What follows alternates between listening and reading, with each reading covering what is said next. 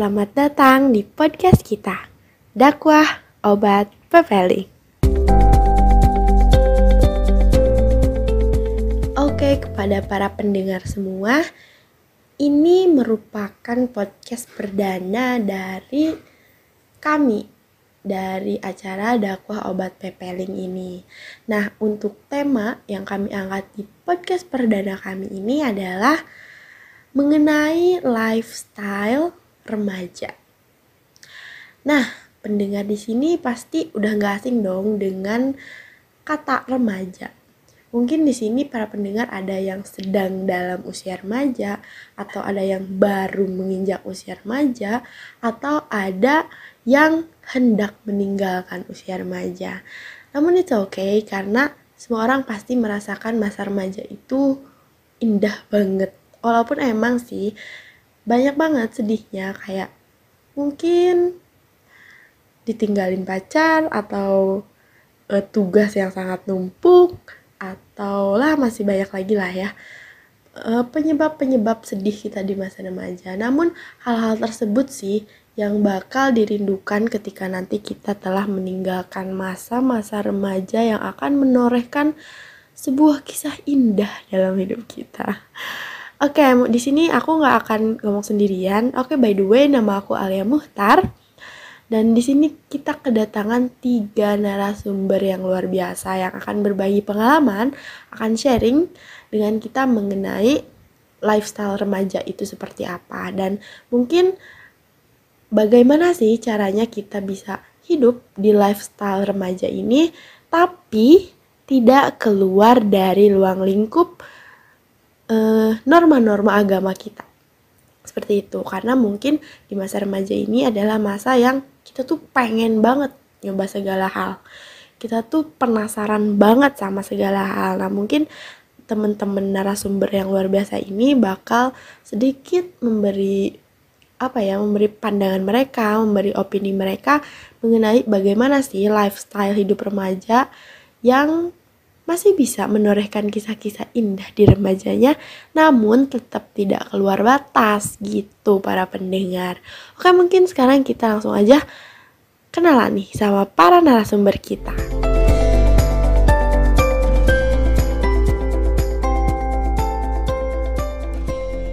Halo teman-teman semua, perkenalkan nama saya Arizal Zuf Gibran. Saya jurusan Komunikasi Penyiaran Islam semester 7A dari Universitas Islam Sunan Gunung Jati, Bandung. Oke, halo teman-teman semua, Assalamualaikum warahmatullahi wabarakatuh.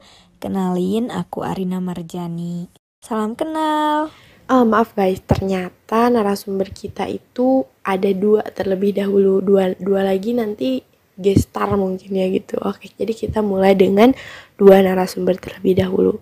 Di sini ada Kang Rizal selaku aku mahasiswa KPI semester 7 mungkin remaja yang udah menuju menuju akhir remaja ya Kang Rizal oke dan setelah Kang Rizal ada Teh Arina Arina ini juga sama merupakan mahasiswa jurusan komunikasi penyiaran Islam di UN Sunan Gunung Jati Bandung semester 7 juga. Oke, mungkin di sini saya langsung bertanya aja kali ya.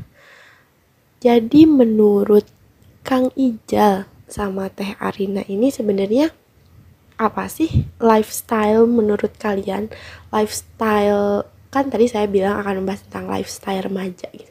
Nah mungkin kita bahas tentang lifestyle-nya terlebih dahulu sih. Apa sih lifestyle itu?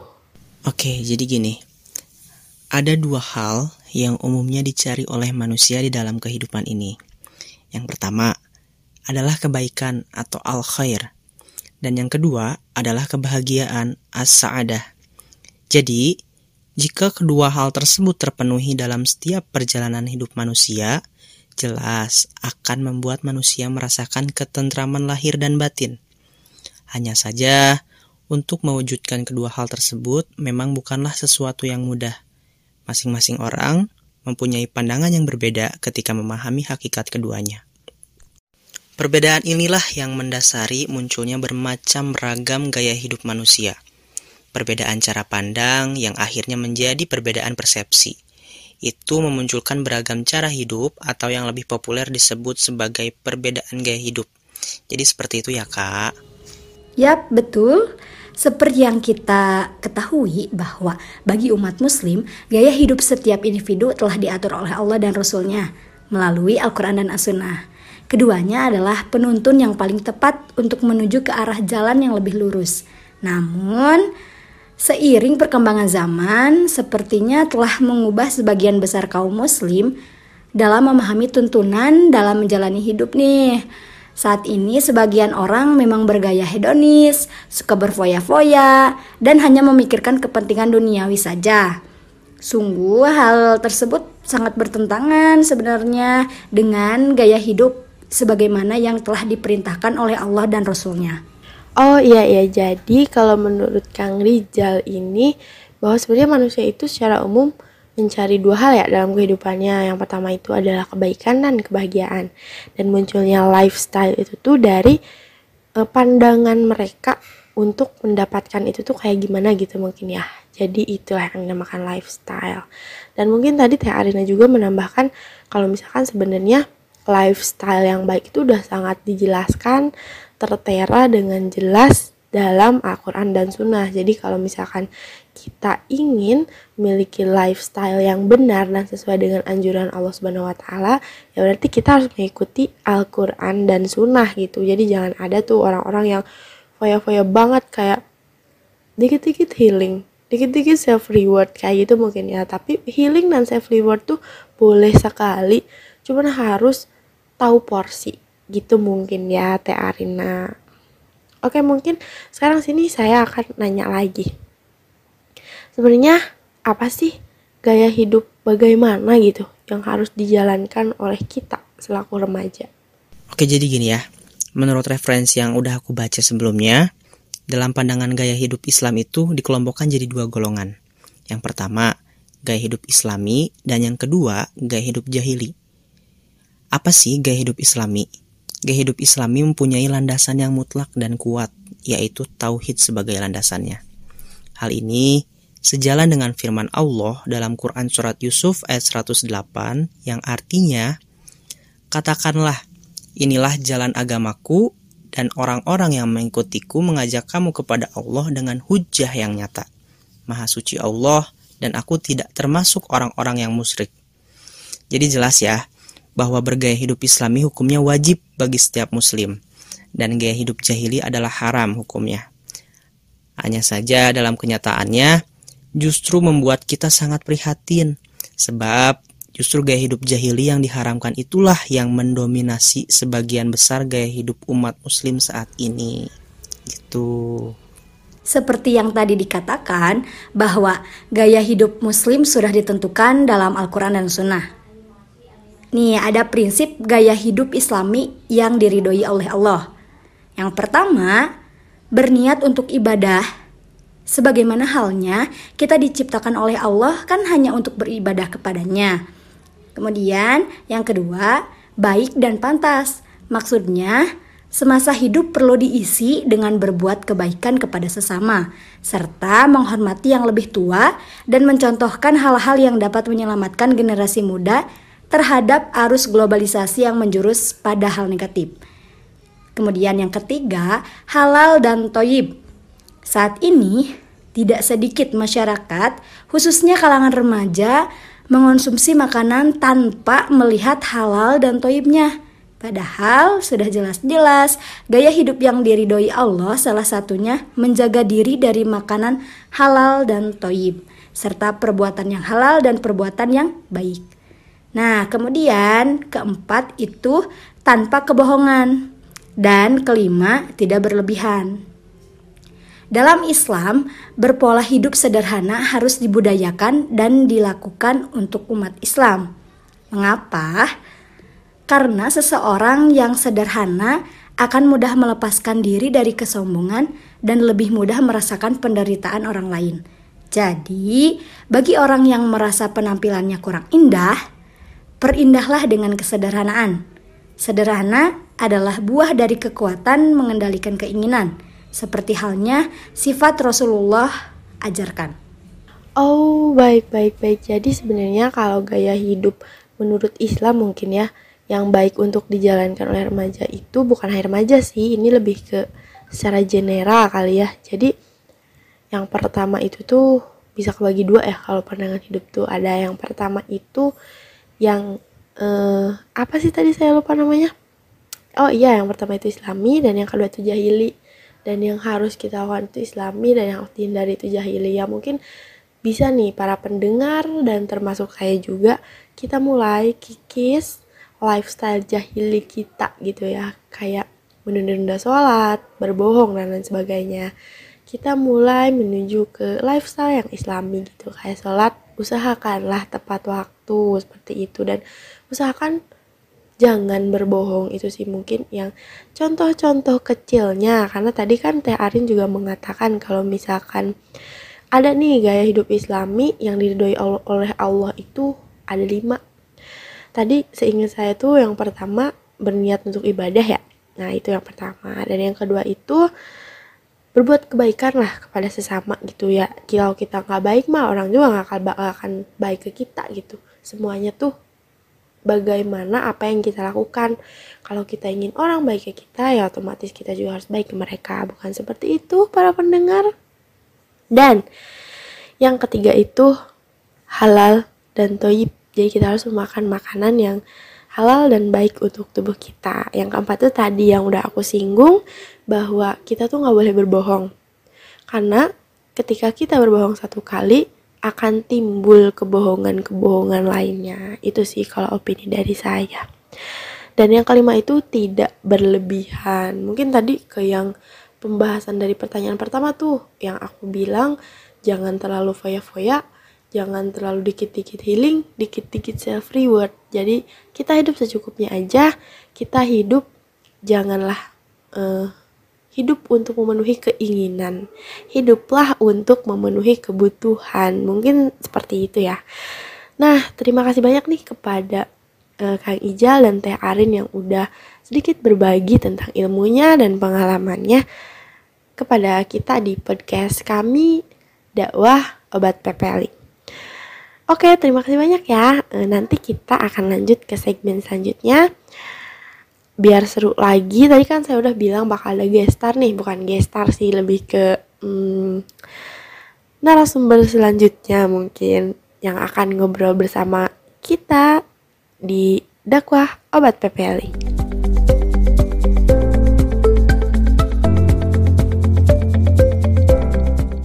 Halo para pendengar, kembali lagi bersama Alia Muhtar di dakwah obat pepeli. Oke, tadi kita udah ngobrol nih sama Kang Ijal dan Teh Arin.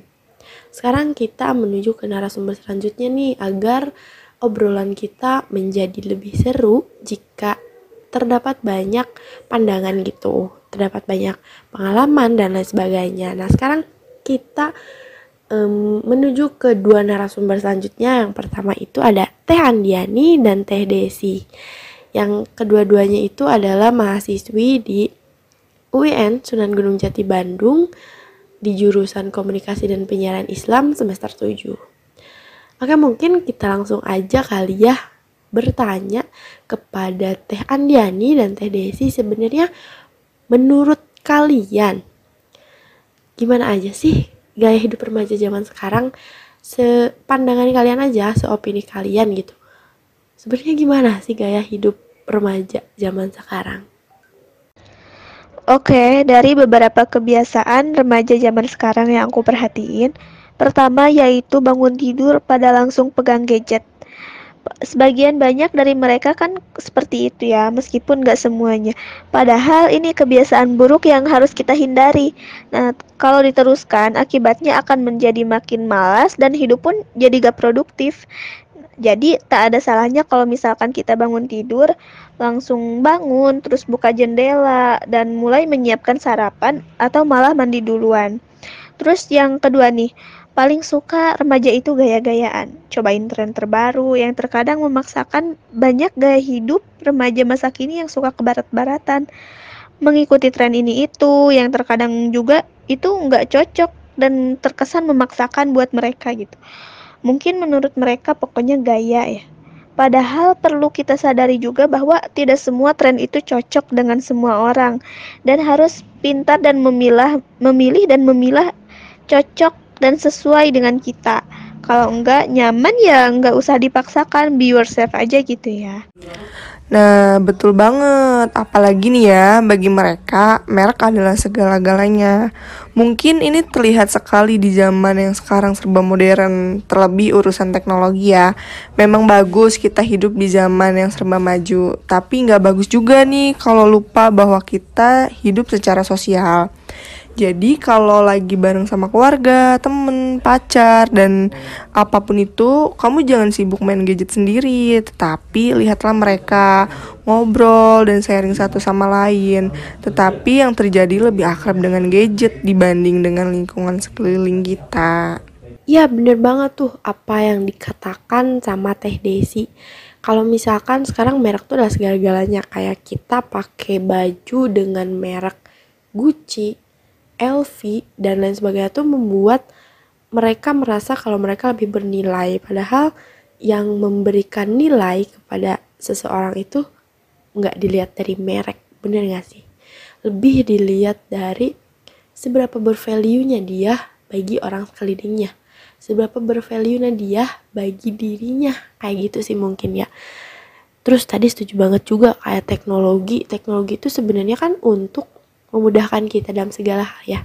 Tapi kalau menurut saya pribadi sih ya, jadi si, si teknologi ini tuh malah memberi sekat-sekat yang tinggi untuk kita yang berada di dekat mereka. Kayak seperti yang tadi dibilang kalau misalkan kita lagi sama keluarga, temen, pacar dan lain-lainnya tuh malah fokus ke gadget masing-masing. Padahal keadaan offline yang dinanti-nantikan pasca pandemi ini malah disia-siakan gitu. Kayak nongkrong juga pegang HP ngobrol eh apa sih kayak ngumpul-ngumpul gitulah pegang gadget.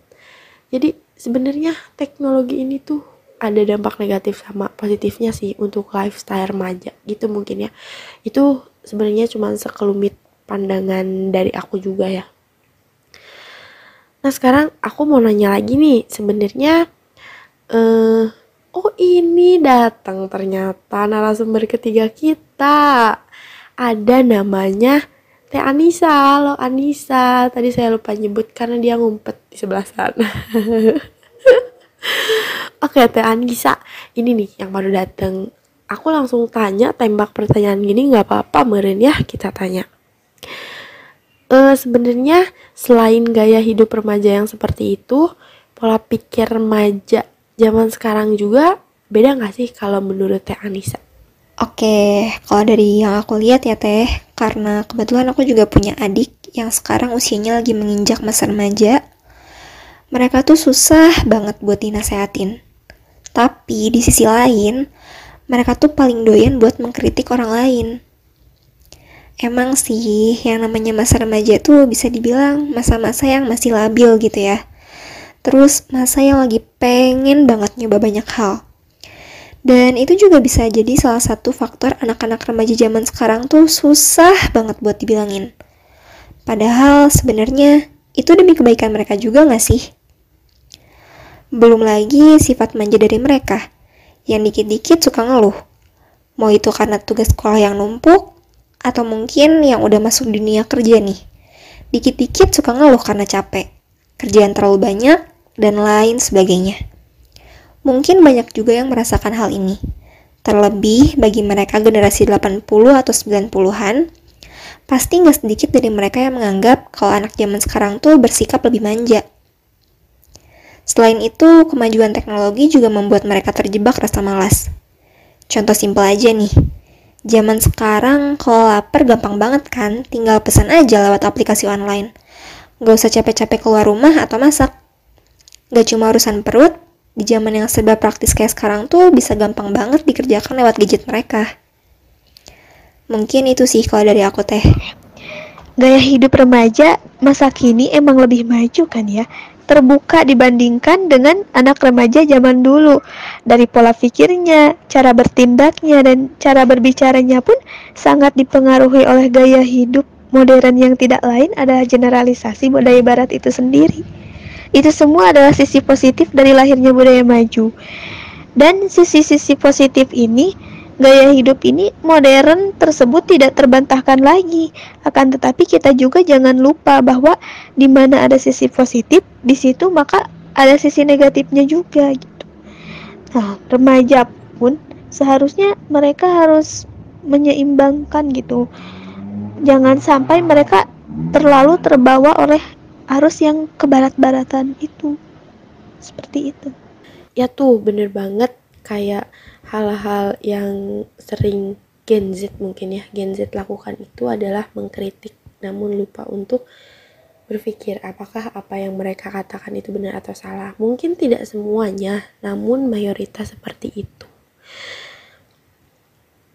Ya benar sih kalau misalkan tadi kan menurut Andiani itu kehidupan anak remaja masa kini memang lebih maju terbuka dibandingkan zaman dulu sehingga pola pikir dan cara bertindak pun dipengaruhi oleh gaya hidup modern. Karena sekarang zaman sekarang tuh kalau menurut saya nggak liberal nggak keren. Ya nggak sih? Kayak kalau kita tidak ke barat-baratan kita tidak keren. Kalau kita nggak suka lagu Ariana Grande kita nggak keren. Kalau kita nggak suka lagunya Adele kita nggak keren.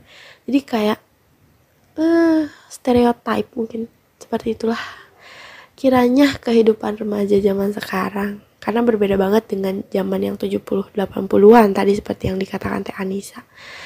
Hmm, kayak gitu sih. Tadi netizen maha benar pun ya saya setuju dengan hal itu. Kayak mereka doyannya hanya mengkritik saja. Padahal belum tentu apa yang mereka ucapkan itu benar. Karena ya mereka nggak tahu sebenarnya berita ataupun pemberitaan yang mereka kritik itu benar atau salah karena mereka tidak melakukan cross check terhadap hal itu hanya menanggapi secara sepihak saja. Oke terima kasih kepada uh, narasumber kita ketiga narasumber kita yang yang luar biasa ini.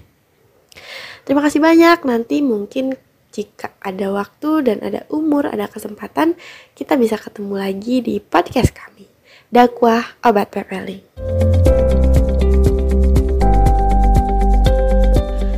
Halo para pendengar. Terima kasih banyak kepada para pendengar yang sudah mendengarkan podcast kami Dakwah Obat Pepeling dari tadi awal dari narasumber Kang Ijal, terus Teh Arin, terus Teh Desi, terus Teh Andiani, terus Teh Anissa. Terima kasih banyak telah mendengarkan podcast kami. Semoga apa yang kami bicarakan dapat menambah insight kepada para pendengar semua. Terima kasih banyak. Wassalamualaikum warahmatullahi wabarakatuh.